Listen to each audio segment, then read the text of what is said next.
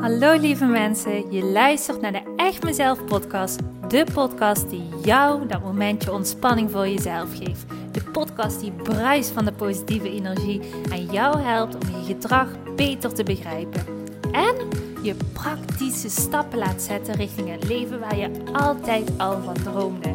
Gooi maar even alles aan de kant, want de tijd voor jezelf is weer aangebroken. Want ik geloof dat een gelukkig leven start bij jezelf. Super leuk dat je weer luistert. Ik heb er weer super veel zin in.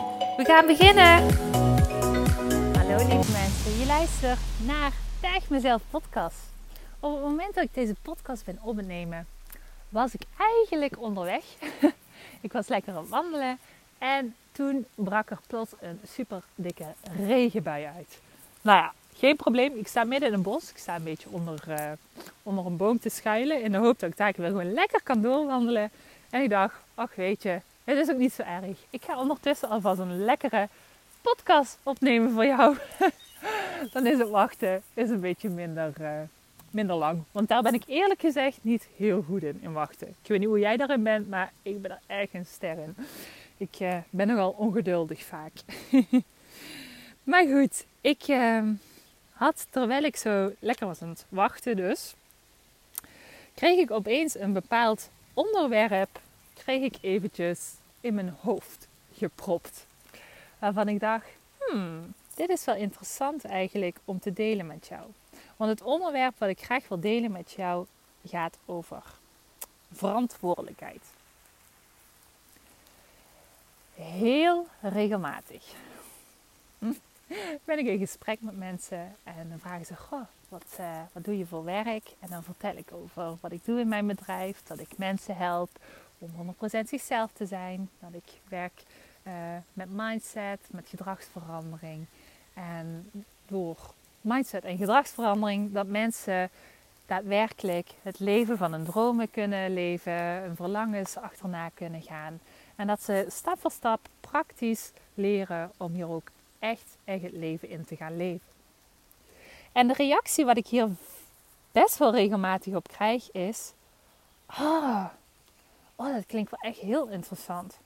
Ja, mijn partner die uh, doet dit en dit en dit. Of mijn schoonmoeder die doet dit en dit en dit.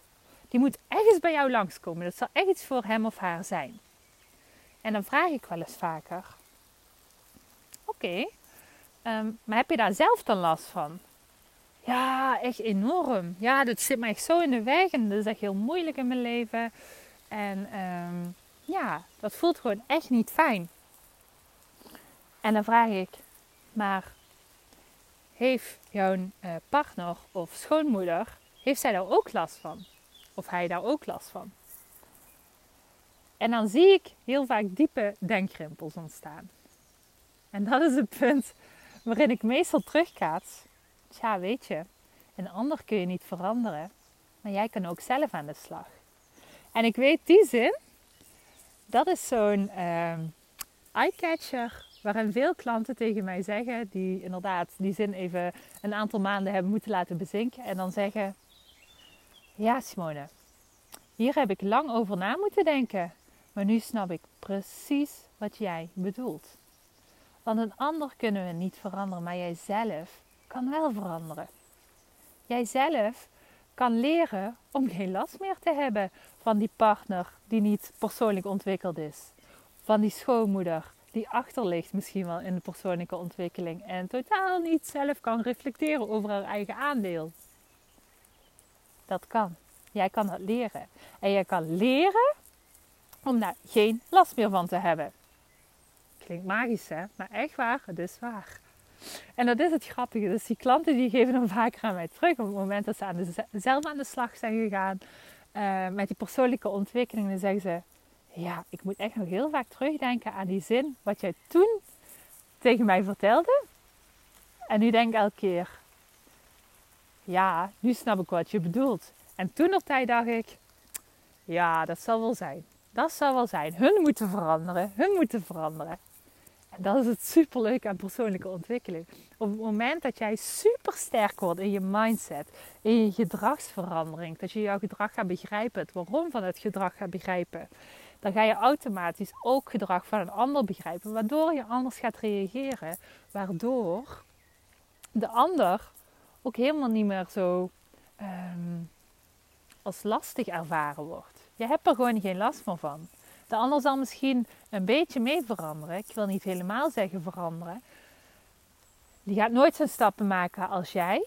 Maar dat is het effect van op het moment dat uh, iemand in een gezin gaat veranderen, een gedragsveranderingstraject doorgaat, dan evolueert het gezin in een veel langzamer tempo, maar het evolueert mee. Maar hetgene wat niet mee geëvolueerd is van het gedrag van je partner of je kinderen of je schoonmoeder of je vader of moeder of noem maar op, dat kun je veel beter handelen. Je trekt het je namelijk niet meer zo persoonlijk aan. En dat is zo belangrijk. Het is zo belangrijk, want jij kunt geen invloed uitoefenen op hetgene hoe een ander zich gedraagt, doet, denkt of voelt. En dat willen we zo vaak. Ons ego wil dat zo vaak. Die zegt, die gaat altijd vergelijken. Die gaat kijken van, hmm, hoe doe ik dit? Oh ja, het oordeel ervan, want mijn waarheid is goed. En hoe een andere doet, dat is niet goed. En ego maakt heel graag onderscheid in goed en fout. En er is geen goed en fout. Want hetgene wat mijn klanten leren en de way hoe ik leef, ja, wie zegt dat dat goed is? Voor mij voelt het goed. Maar misschien zijn er nog wel hele andere dingen en komen over zoveel jaren erachter dat we denken van, oh, ja, toen dacht ik dat dit goed was, maar dit is nog beter. Wat is goed, wat is fout? Het ego maakt heel graag onderscheid tussen goed en fout. En op basis daarvan gaan we oordelen over anderen. Hij doet het fout. Nee, maar ik zeg altijd: één vinger naar de ander, drie vingers wijzen automatisch naar jezelf. En dat is echt zo. Op het moment dat jij je aangevallen voelt uh, door een persoon, op het moment dat jij vastloopt in een relatie met iemand, elke keer dat jij wijst naar de ander, wijzen er drie vingers naar jezelf. Onthoud die goed. En dat is ook hetgene wat ik vandaag aan jou wil meegeven. Want ik ben bezig op dit moment met een training en ik kreeg daarin echt hele mooie vragen. En ik ga die ook aan jou meegeven. Misschien heb je pen en papier op dit moment bij de hand. Zo niet, dan zou ik zeggen, luister deze podcast nog een keer. En dan kun je het nogmaals uh, vragen aan jezelf. En dan wil ik je ook echt uitnodigen. Ga die vragen eens heel kritisch beantwoorden voor jezelf. Want ik kreeg de vraag in deze cursus.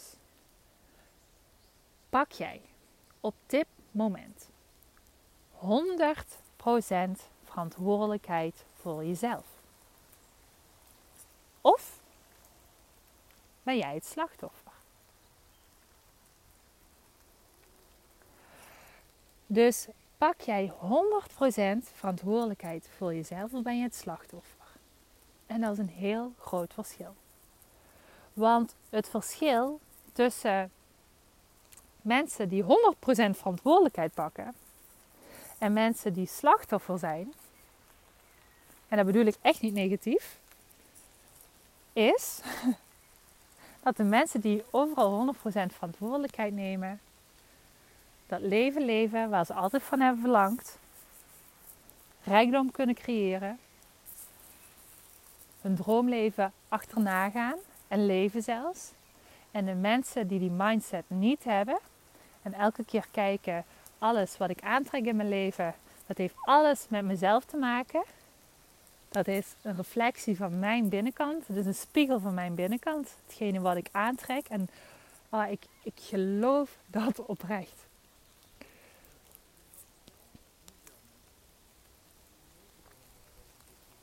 Op het moment dat jij iemand bent die altijd wijst naar de ander, niet kijkt naar zijn eigen aandeel en gelooft dat alles wat er nu op dit moment in jouw leven gebeurt, dat dat komt door de coronaperiode, door het aandeel van de ander, dan zit je in de slachtoffermodus. En dat is oké, hè?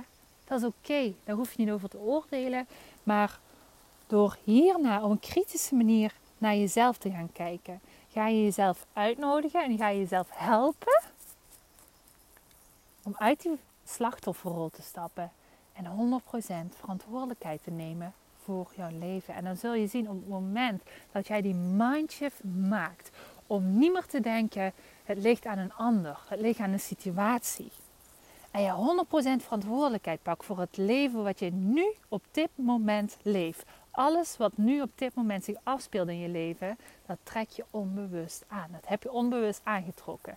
En dan wil ik niet meer zeggen, ja, maar ik heb uh, zelf uitgelokt dat ik ontslag heb gekregen of uh, dat mijn relatie op de klippen is gelopen.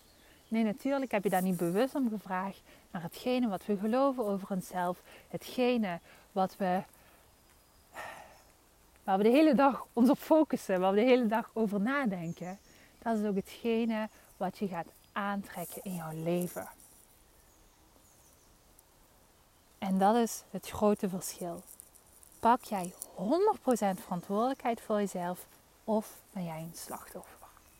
En dat kunnen we gaan doen aan de hand van deze drie vragen. Dus ik wil je ook eigenlijk uitnodigen op het moment dat je bent aan het wandelen of uh, in bad ligt of uh, wat je ook bent aan het doen.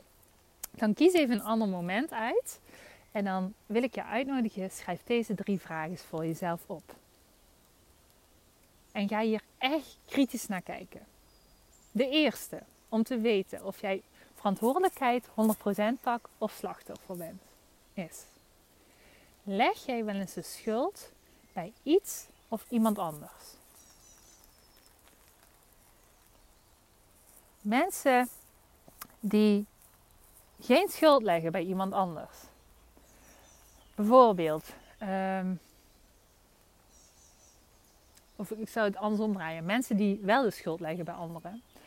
Bijvoorbeeld, ehm, hij doet zo en daarom kan ik bepaalde dingen niet uh, behalen in mijn leven. Um, ik kan er ook niks aan doen dat het nu op dit moment een coronapandemie is, waardoor ik bepaalde doelen niet kan halen. Je legt de verantwoordelijkheid bij iets of iemand anders. En Daarom pak je dus niet 100% verantwoordelijkheid voor jezelf. Zijn er dingen op dit moment voor jou waarin je nog wel eens de schuld bij iets of iemand anders legt?